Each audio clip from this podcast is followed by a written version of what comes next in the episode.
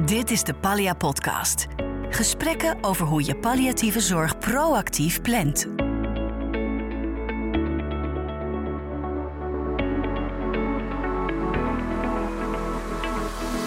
Welkom bij aflevering 4 van de Pallia Podcast, een podcast van PZNL.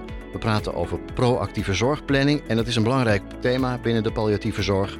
Want het aangaan van gesprekken met patiënten over het naderend einde van hun leven, dat is een lastig, dat is een emotioneel beladen onderwerp. Ik praat ervoor vandaag met Louise Bellersen, cardioloog verbonden aan Radboud UMC en met Koen van Leijen, verpleegkundig consulent palliatieve zorg bij het Maastad ziekenhuis. Beide welkom. Nou, dit weten we dan. Maar eh, Louise, ik begin even bij jou. We hebben afgesproken dat we je en jij tegen elkaar eh, zeggen. Misschien kun je jezelf even in een paar zinnen introduceren. Mensen die je niet kennen, wie ben jij? Ja, dankjewel voor de uitnodiging. Ja, ik ben uh, Louise Bellers. Ik ben cardioloog met aandachtsgebied hartfalen in het uh, Radboud UMC. En ik werk dan met, uh, in het hartfalen-team met verpleegkundige specialisten en, uh, één collega-cardioloog. En ja, ik zit, werk al vanaf 98 alweer op de hartfalen al daar. En daarvoor heb ik in Erasmus, daar liggen eigenlijk mijn roots voor de hartfalen zorg. Daar heb ik door een jaar op de harttransplantatieafdeling gewerkt bij uh, een uh, collega Achie Balk. Die kennen vele cardiologen nog. Dus uh, daar is mijn interesse geboren. Ja, Koen, jij in een paar zinnen? mijn naam is Koen, verpleegkundige. sinds 2011 bezig met de palliatieve zorg. Samen met een verpleegkundige specialist en nog een verpleegkundige. En een internist, oncoloog, kaderarts palliatieve zorg. Dus nu 22 jaar verder? Nee, 11. Elf jaar verder. Ja. maar lang genoeg bezig. Nog veel te doen. Ja, zeker. Ja, en nog jong. Um, Louise, jij zei me vooraf, uh, je moet wel weten dat cardiologie echt een, een doevak is. Wij zijn doeners. Wat bedoel je daar eigenlijk mee? Ja, dat, ja cardiologen zijn uh, altijd met acute zorg voor de patiënten, met de, de hartbewaking, met de patiënten moet snel gedotterd worden, snel behandeld worden, gestabiliseerd worden. Dus het feit dat daarna uh, sommige mensen zoveel schade aan het hart hebben geleden dat ze een ander soort zorg nodig hebben, dat vereist ook andere kwaliteiten, andere scholing, andere afstemming in het team. En uh, ja, je moet beseffen dat uh, nou, 20, 30 jaar geleden was hartfalen nog voor de internist. Dat deed de cardioloog niet. Want dat was een beetje chronische zorg. Maar dat is inmiddels al binnen de cardiologie geheel uh, cardiologische zorg. -hmm. Dus uh, die wat. doeners, dat is er af aan het gaan. Hè? Dat, ah. er is ook bij de jonge cardiologen veel meer aandacht voor hartfalen. Het is ook een nieuw subspecialisme geworden. En ja, je moet ook beseffen dat palliatieve zorg niet alleen voor patiënten met de hartaandoening hartfalen is, maar er zijn ook patiënten met ernstige congenitale hartziekte of ernstige ritmestoornissen of ernstig uh, verhoogde druk in de, in de longen, pulmonale hypertensie. Dus er zijn veel cardiale aandoeningen die uiteindelijk toch tot het levenseinde leiden. Ja, dus niet meer alleen maar het beeld wat ik heb bij een cardioloog is iemand die naar een röntgenfoto kijkt en dan aanwijst met een pen van kijk, daar gaan we iets doen, een bypass of een hartklep of iets. We gaan een plan B of een plan C. Dat is een beetje het, het, het oude beeld van de cardiologie, denk Precies. ik dan. Hè? We, dachten, we dachten eigenlijk, we dachten, hè, dat is mooi, altijd dat we wel iets konden doen om de patiënt stabiel te houden. Maar we weten natuurlijk al vele, heel lang dat dat uh, er een tijd komt dat uh, het levenseinde begint en dat je dan andere zorg moet leveren um, en niet moet wachten tot het doodsbed, zeg maar, want dan ben je eigenlijk te laat. Ja, Koen, zijn we vaak te laat met het voeren van zo'n gesprek over palliatieve zorg? Het, het, het, het is waar dat je rondom het overlijden wordt betrokken in zorg waar veelal de markering van het niet meer ziektegericht, ziektegericht kunnen benaderen is gemaakt. Maar ik zie ook dat de mens die zorg nodig heeft, dat dat heel emotioneel beladen is. En de surprise question is natuurlijk mooi. Uh, maar ik denk wel dat je niet meteen de diepe in moet duiken. Vooral iemand moet leren kennen, ziekteomgang, ziektebesef, coping, sociaal netwerk. De beweging binnen het sociaal netwerk, qua hoe praten ze met elkaar over Mhm. ziekte. Om dan langzaam naar de toekomst met elkaar op te lopen. Dus proactief zorgplannen, te laat, te vroeg. Het is ingewikkeld, vind ik af en toe. Bedoel je nou, het hangt te zeer af van de persoon die je voor je hebt? Feit. Ja. En in de, en in de kliniek hè, versus de poli of thuis. Ik, ik werk in het ziekenhuis, dus ik kom veelal klinisch erbij. Is ook al een verdrietig moment, want je bent opgenomen. Je had liever thuis gezeten. Dus ook met het andere gesprek voeren. Hoop ik dat we toekomstig veel meer met die maatschappij polyklinisch of via de huisartsen samen, dat, dat, dat, dat, we dat, dat we dat mogen bespreken met elkaar, dat we daarin mogen, elkaar mogen ontmoeten. Hm. Maar bedoel je dan even heel rechtstreeks de, dat de huisarts er eerder over begint? Dus voordat je iemand doorverwijst, ook meteen zegt van je, oh, trouwens, je, dit, dit zijn uh, aandoeningen waar je aan kunt komen te overlijden. Dat zouden we best beter kunnen communiceren en, en, en uh, verzoeken. Ja, de huisarts zegt dan wel eens van ja, als het uh, hartfalen is, hè, dan moet, ja, dat moet de cardioloog het eerste gesprek maar doen. Dat, dat Want, uh, is prima. Ja. Dat is prima. Zodra wij als ziekenhuizen hè, door onze beeldvorming en, en alles wat wij tot onze beschikking hebben, constateren dat een bepaald orgaan steeds zieker wordt en onze mogelijkheden na de ziekte steeds beperkter. Natuurlijk de huisarts daarin helpen, maar wij als ziekenhuizen kunnen het ook niet zonder de huisarts. Mhm. nee, We, nee. moeten, dat, we moeten dat samen doen. Maar ik ben het helemaal met je eens hoor, want uh, dat hebben cardiologen ook heel veel last van. Ja, wij noemen dat wel de, een mooi duur woord, de prognostische paralyse. Hè? Want bij, bijvoorbeeld bij, uh, ik zal zo een casus geven, maar bijvoorbeeld bij, uh, bij hartfalen is het zo dat, en bij veel aandoeningen is het zo dat uh, je, het, het echt, het terminale fase kan je niet voorspellen. Mensen hebben soms soms maar dagen, maar het komt ook voor maanden en soms enkele jaren. En dan, dus het belangrijkste is denk ik om nooit een tijd te benoemen, maar wel te benoemen dat we ons uh, ernstige zorgen maken en dat we daarover in gesprek willen als die patiënt dat überhaupt wil, want je moet eerst vragen of ze het willen. Maar ik, ik vond ook zo mooi laatst in de trouw een heel artikel over het, uh, het, het, effect van het schade. Als je dus mensen helemaal de hoop ontneemt, dat bedoel je ook waarschijnlijk. Uh, dat heet dan weer met een mooi woord het nocebo-effect. Dus wat je niet wil, is dat je de patiënt schaadt, heel veel stress bezorgt. Dus het, het moet sowieso een, een, geleidelijk, een geleidelijk proces zijn waarin je de patiënt vraagt of hij daarover wil praten of dat hij zich daar zorgen over maakt. Hm. Maar, maar als nou een patiënt zegt, nee, daar, daar, hebben we, daar het in onze cultuur nooit over.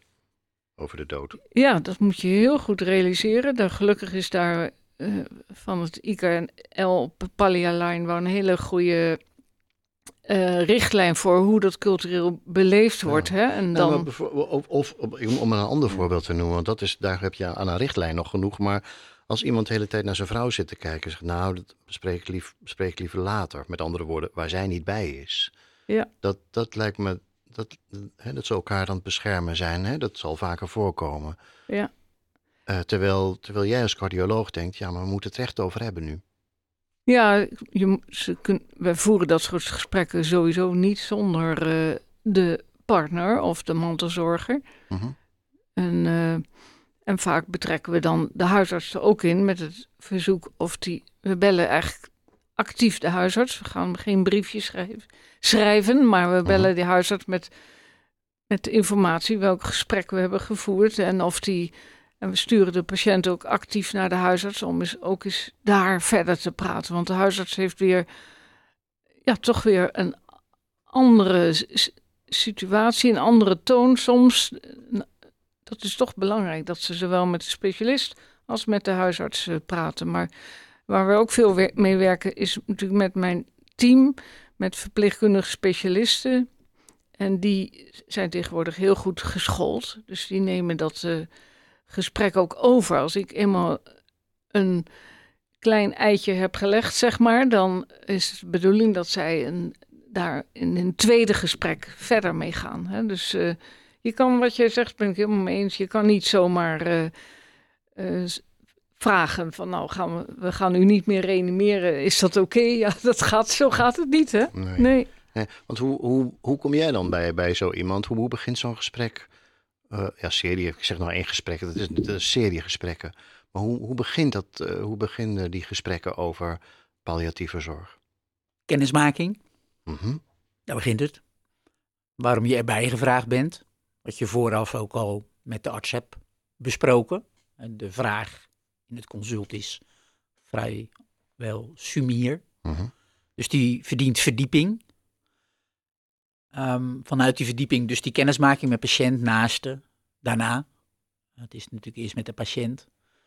eh, waarin je je voorstelt, waarin je vertelt waarom je er bent, waarom je bent gevraagd en of daar behoefte aan is. Hè, om ook meteen te toetsen, is dat wel besproken met het behandelteam. Want dat vinden wij als team wel belangrijk, dat we wel eh, geïntroduceerd zijn. Mhm.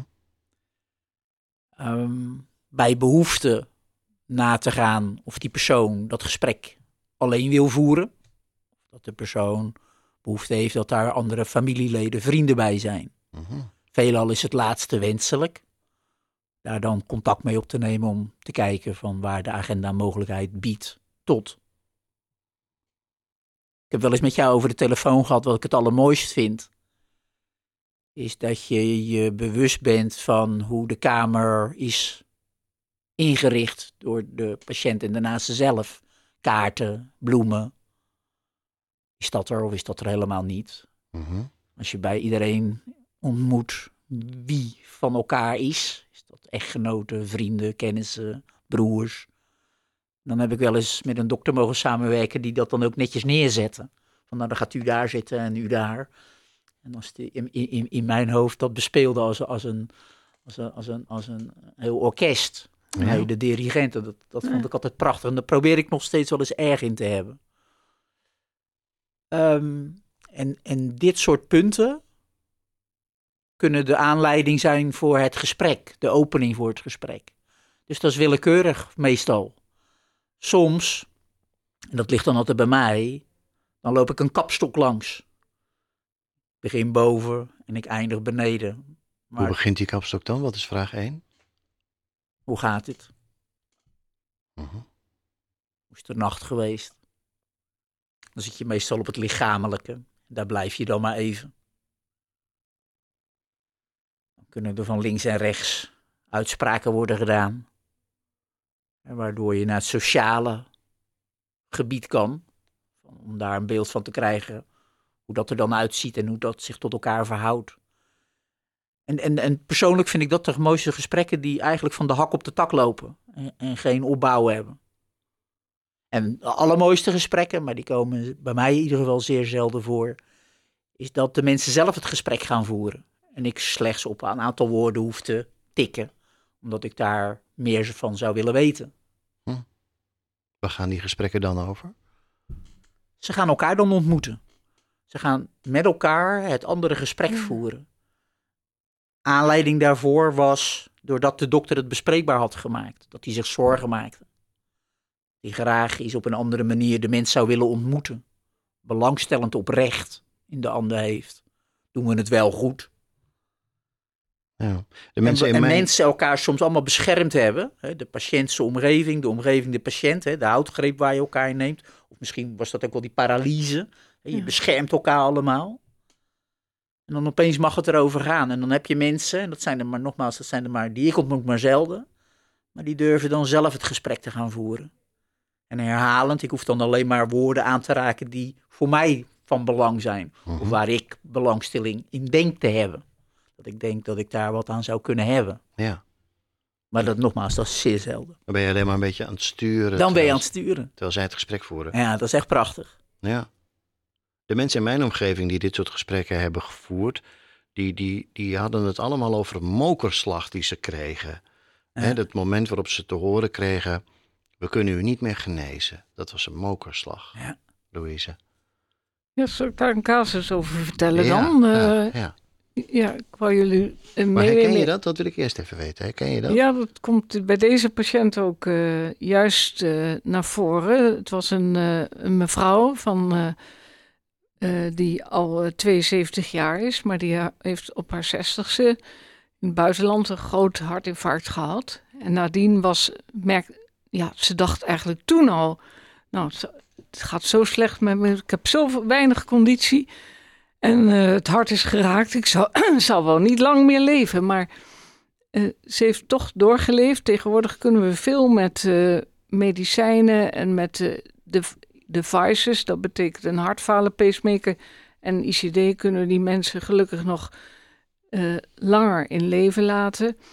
En die mevrouw kreeg een ICD, een defibrillator inwendig. En die, Een heel klein kastje wat in je borst ja, wordt dat wordt geïmplanteerd onder je sleutelbeen. En die kan dan een shock afgeven als je een ernstige ritmestoornis hebt, waarbij je het leven laat. Dus die mevrouw, eh, die heeft nadien wel met duidelijk verminderde conditie eh, jaren doorgeleefd. Waarbij ze eigenlijk al leefde, voor haar gevoel, alsof ze in haar reservejaren zat. En op een gegeven moment, eh, een paar jaar geleden, kreeg ze ernstige ritmestoornissen. Ze heeft meerdere ICD-shocks gehad. Helaas bij volle bewustzijn, waarna ze zeer angstig werd om die ritmestoornissen nog te krijgen. En nadien ook toenemend kortademig was. Het was eigenlijk een, toch een heel matig leven. Kortademigheid, kan niet plat liggen, eh, gewichtsverlies, slechte eetlust, eh, constant moeheid. En, maar mevrouw woonde nog in, in het buitenland, eh, ging daar altijd overwinteren en woonde ook in Nederland. Dus, maar uiteindelijk zijn ze toch teruggekomen.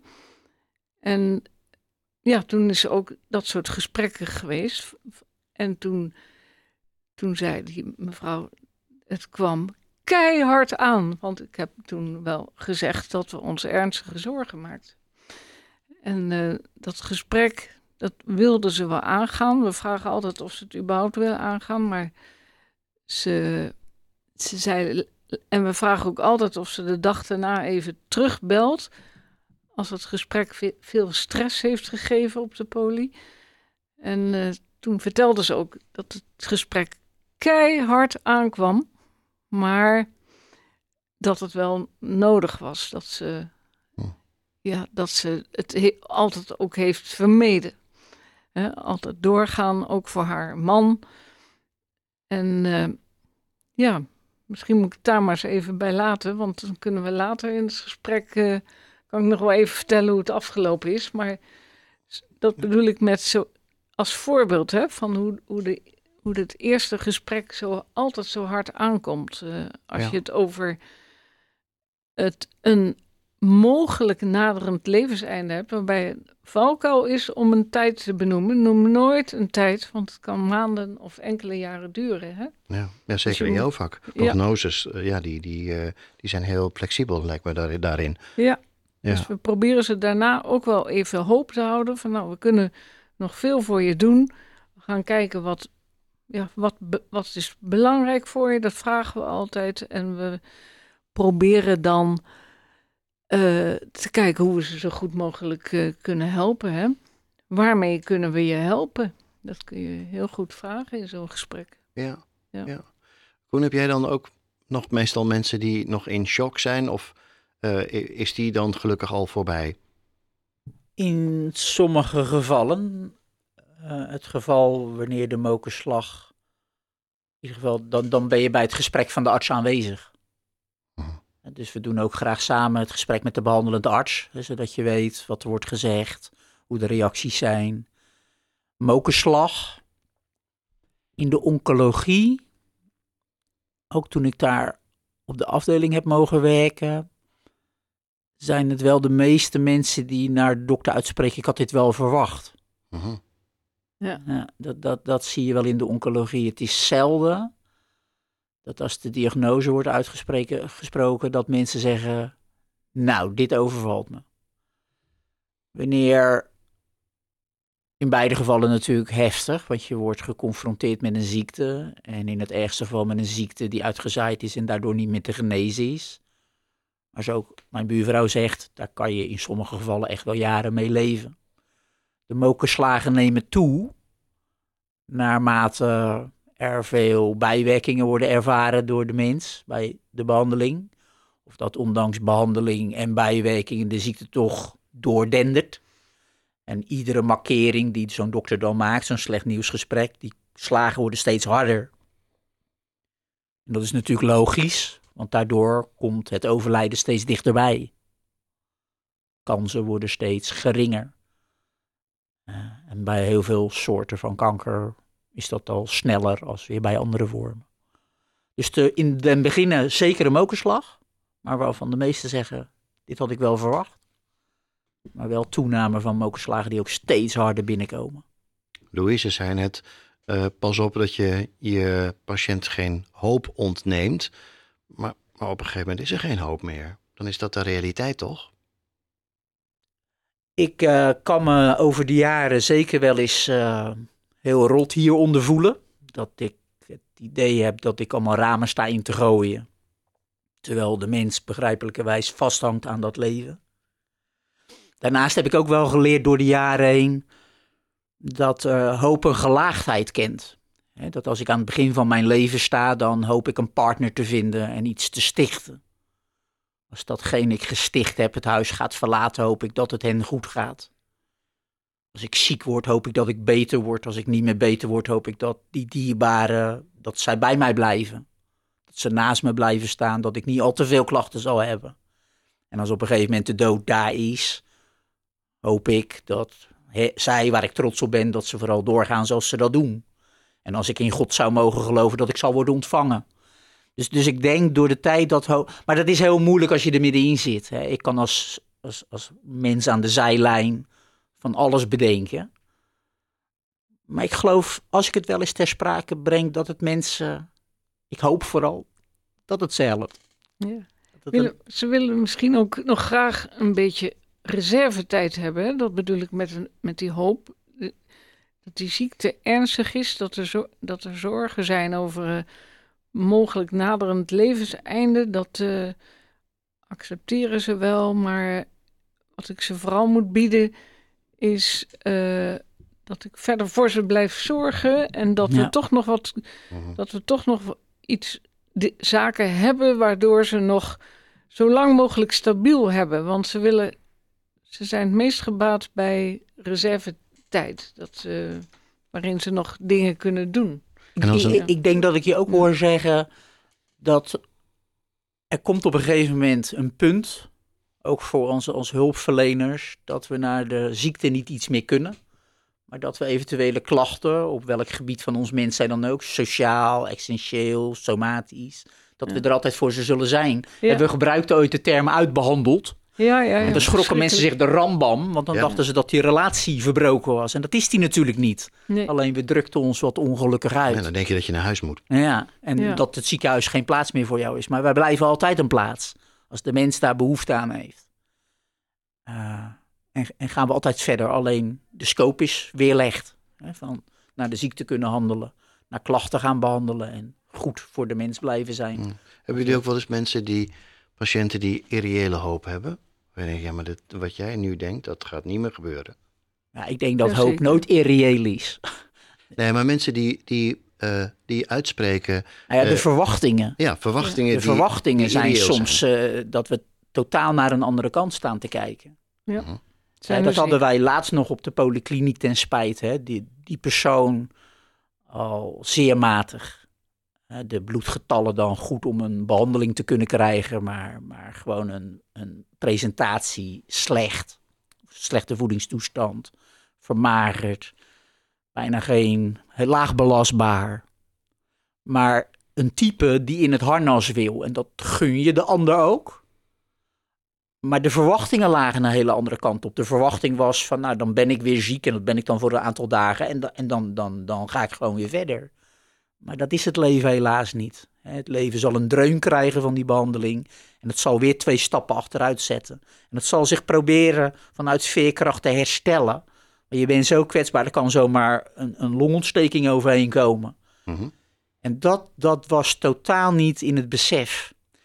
In, in het heel menselijk met elkaar spreken was er te veel ruimte voor interpretatie. En de interpretatie die werd gegeven, die lag dus de andere kant op. Dus je moest op een gegeven moment, en daar heb ik me ontzettend rot ook onder gevoeld. Maar na een Jip en, Jip en Janneke taal. Want dit is waar we het nu met elkaar over hebben. Ja, en dat was natuurlijk ontzettend om, ontzettend omdat, dat, dat leidde tot ontzetting Want je noemde het net ramen ingooien. dat raam ingooien, wat ik wel eens in mezelf beleefd. Dat ik denk van, pot verdikke me. Moet dit nou, doe ik het wel goed? Ik heb soms het idee dat ik het helemaal niet goed doe. Hoe kom je uit zo'n gesprek dan? Ja, op zo'n moment wel, wel, wel rot. Louise? Ja, dat herken ik ook hoor. Mensen die toch eh, de behandeling voorop stellen en niet zeg maar de palliatie, heel duidelijk. Die willen nog steeds worden opgenomen, ook al hebben wij al een uitvoerig de huisartsen bij betrokken, meerdere gesprekken op de afdeling gevoerd met kinderen erbij, palliatief team ingeschakeld, want als, als wij het als hartvallenteam niet voor elkaar krijgen om om die rust te, te bieden, dan, dan vragen we de deskundigen. We zijn, we zijn altijd minder deskundig in palliatieve zorg dan het palliatief team, want Hm. we hebben minder ervaring. Dus Maar heb je ook wel eens het gevoel gehad dat je de ramen in aan het gooien was bij iemand? Ja, maar dat probeer ik eigenlijk wel een klein beetje te vermijden. In die zin, ehm, kijk, sommige mensen die accepteren toch de dood niet. En die strijden door tot de laatste strohalm. Ja, dan, daar kan ik niet tegenin gaan. Dus dan zeg ik maar, nou, we gaan heel goed voor u zorgen. En om de havenklap wordt die patiënt dan weer opgenomen. Terwijl bijvoorbeeld het plan was je kan iemand wel opnemen voor palliatie, maar zij wilde dan per se opgenomen worden voor behandeling. Ja, hè? doe Dus, nog eens iets. Ja. dus dat zijn, eh, ja, ik ga die, bij zo iemand die zo eh, dat onderwerp vermijdt, eh, daar, daar denk ik dan van, nou, die persoon, helaas, het geeft wat minder rust, het ontneemt je het thuis overlijden, maar die gaat dan maar helaas strijdend ten onder. Ja, iedereen, ieder kiest ook zijn eigen. Dood. Hè? Ik hoef niet altijd bij iedereen een proactief plan te hebben. Nee, snap ik. Maar heb je wel Ja. eens tegen iemand gezegd: nee, het gaat gewoon echt niet gebeuren? Bijvoorbeeld een heropname. Bijvoorbeeld. Of nog een, een behandeling. Ja, iemand dat die wel. je echt dat heel wel, duidelijk ja. in een gesprek duidelijk moet maken. Nee, zoals ik al eerder heb gezegd. eh, het Ja. houdt op. Ja hoor, dat in die zin bepaalde stappen. Hè? In oncologie is misschien nog wat anders dan in de cardiologie. Want bij, in de cardiologie eh, gaat eigenlijk tot de terminale fase gaat de traditionele zorg met eh hartfalen, pacemakers en ICD's, zolang die patiënt dat wil, en medicijnen die gaan door. Omdat dat ook allemaal palliatie geeft. Dus in die zin gaat het bij ons samen op. Dus, maar goed, je kan, zo'n patiënt kan ook nog zeggen, ja, als ik dan een longontsteking wil, wil ik toch nog aan de beademing. Of waarom krijg ik geen dialyse? Of, Open hartoperatie. ja, of een, hartoperatie. Nou, dat zijn dan wel de excessen, maar die worden bij ons altijd in het hartteam besproken, waarin we dan zeggen, waarin het hartteam dan, het moet ook een gewogen besluit zijn, multidisciplinair, waar we dan zeggen van, nee, die behandeling gaan we niet meer uitvoeren. En dus ja, daar, daar kunnen ze niet tegenop. Dat ze ook eerlijk mededelen. Ja. Maar gewoon opname en ehm, ja, bijvoorbeeld patiënt, zoals die patiënt van die ik net noemde, met ernstig hartfalen en steeds loopt vol, steeds vol met vocht. Die is toch Ja. dan nog herhaaldelijk opgenomen in het ziekenhuis, waarbij we toch weer geprobeerd hebben om met een infuus te ontwateren, eh, tot het op een gegeven moment ook niet meer hielp. We kregen geen eh, ja, we kregen geen ontwatering in die zin. Het vocht bleef er gewoon in zitten, ondanks die pompen. Dus Mhm. toen hebben we ook En maar... Wat, wat gebeurde er dan met een patiënt als dat gebeurt? Ja, toen hebben we... We nemen daar altijd een dag of drie tot vijf tijd voor om te kijken of Je die gaat steeds moeilijker ademhalen dan, werkt. hè? maar werkt het niet, dan gaan we toch in gesprek. Nou, het Ja. lichaam reageert er niet op. We gaan deze behandeling stoppen. En we gaan, ja, we gaan meer je niet behandelen, maar meer voor je zorgen. Want het levenseinde eh, is, is wel in zicht, waarbij het dan ook weer maanden en soms jaren kan duren. Dus we zeggen dan wederom nooit een termijn. Ja, maar ben je wel eens heel platgeslagen uit zo'n gesprek gekomen? Ja, ik ben al platgeslagen als ik er naartoe moet. ja hoor, maar ik gebruik altijd wel wat eh, hulpmiddelen, zoals eh, de vragen die mijn collega ook noemde. Van, nou, hoe ga je nou zo'n gesprek in? Hè? En dan, eh, ja, dus ik kijk altijd. We hebben bijvoorbeeld de Spikt-app, daar staan die vragen altijd zo in je, in je telefoon. En, en dan kijk ik daar nog even naar voordat ik die kamer inloop, zodat ik eens een keer andere vragen stel. Want ik zit natuurlijk heel. een- Ja, een cardioloog zit natuurlijk heel snel op zijn medisch-technisch eh, dingetje. Maar eh, dan is het belangrijk om eh, andere vragen te stellen. Dus ik begin. Überhaupt moeten ze vooraf hebben gezegd: we willen praten. Als ze niet willen praten, dan, ja, dan, dan heb ik toch een heel ander gesprek Mhm. over, over de zorgen die we hebben. Maar als ze dan echt willen praten, dan begin ik eigenlijk ook altijd met de vraag: ja, wat weet u eigenlijk van uw aandoening? En wat, hoe ziet u eigenlijk uw toekomst in? En eh, ja, wat, wat is belangrijk voor je in deze fase, zodat je dan toch een ander gesprek krijgt. En cardiologen die praten ook altijd heel veel als ze visite lopen voor die patiënt. Dus wat nog belangrijker is, is eh, ja, dat zijn allemaal hu- hulpmiddelen. Maar is, dat ken je waarschijnlijk ook wel, Koen, eh, dat is eh, eh, de talk, ask, talk principe. Dus je, je vertelt iets en daarna stel je een vraag meteen. En dan wacht je het antwoord maar eens even af. Zodat je niet één grote waterval bent en Mhm. daarna denkt, oh, mijn tijd is op. eh, naar de volgende patiënt. Hè? Dat, eh, dat is echt wel een valkuil in zo'n, eh, op zo'n moment. Om te, te weinig te vragen en te veel te praten. Ja, ik denk aanvullend dat we vooral ook de mensen willen leren begrijpen in, in, in die weerstand. Ehm, omdat van daaruit eh, je soms eh, ook jezelf weer beschermt en niet het gevoel hebt van die ramen maar in te gooien. Ehm, en door die mensen te gaan leren begrijpen, eh, zie je veelal dat het allemaal gewoon heel veel zeer doet, die gesprekken. En moet je er ook mee stoppen om daar steeds maar op te gaan zitten. Eh, van joh, het gaat niet goed, het gaat niet goed, we maken ons zorgen. In het hele verwachtingenmanagement is het natuurlijk wel belangrijk dat wij daarin wel onze grenzen aangeven. Hè, dat we heel ver kunnen gaan, maar dat er ook een einde aan zit. En dat ook uit te leggen waarom dat zo is. Hè, want ook onze handelingen kunnen tot schade leiden. En daar zijn wij niet voor. Wij zijn er om te helpen. En daartoe zijn wij mogelijk. Maar niet om de mens nog zieker te maken als dat ziekte al doet. En dat begrijpen mensen wel. En wij doen ook heel veel met mensen de laatste jaar zeker. Maar het speelt al wel wat langer met mensen met een islamitische achtergrond. En ik hoop niet dat ik het verkeerd uitspreek, maar die zeggen op een gegeven moment inshallah. Het is niet meer in onze handen. Het is in de handen van God. En dat helpt soms nog meer. Mhm. Want hun weten ook wel dat wij geen tovenaars zijn en alles maar kunnen. Alleen die hoop, zoals we eerder al zeiden, die hebben we natuurlijk wel. En die probeer je ook met elkaar te behouden, te vormen, andere kleuren te geven. Maar het gaat denk ik steeds om die ontmoeting. Wie bent u? Hoe gaan we het doen? Mooi, wat een mooi einde. Ja, Dank, voor mooi. jullie medewerking. Dit was de vierde aflevering van deze serie over proactieve zorgplanning in de palliatieve zorg. In de opdracht van PZNL. Ik ben Richard Grootbot van Audiodroom Podcast Producties. Als je de overige afleveringen niet wilt mislopen, abonneer je dan in de podcast-app op deze serie. Dat kan in elke app.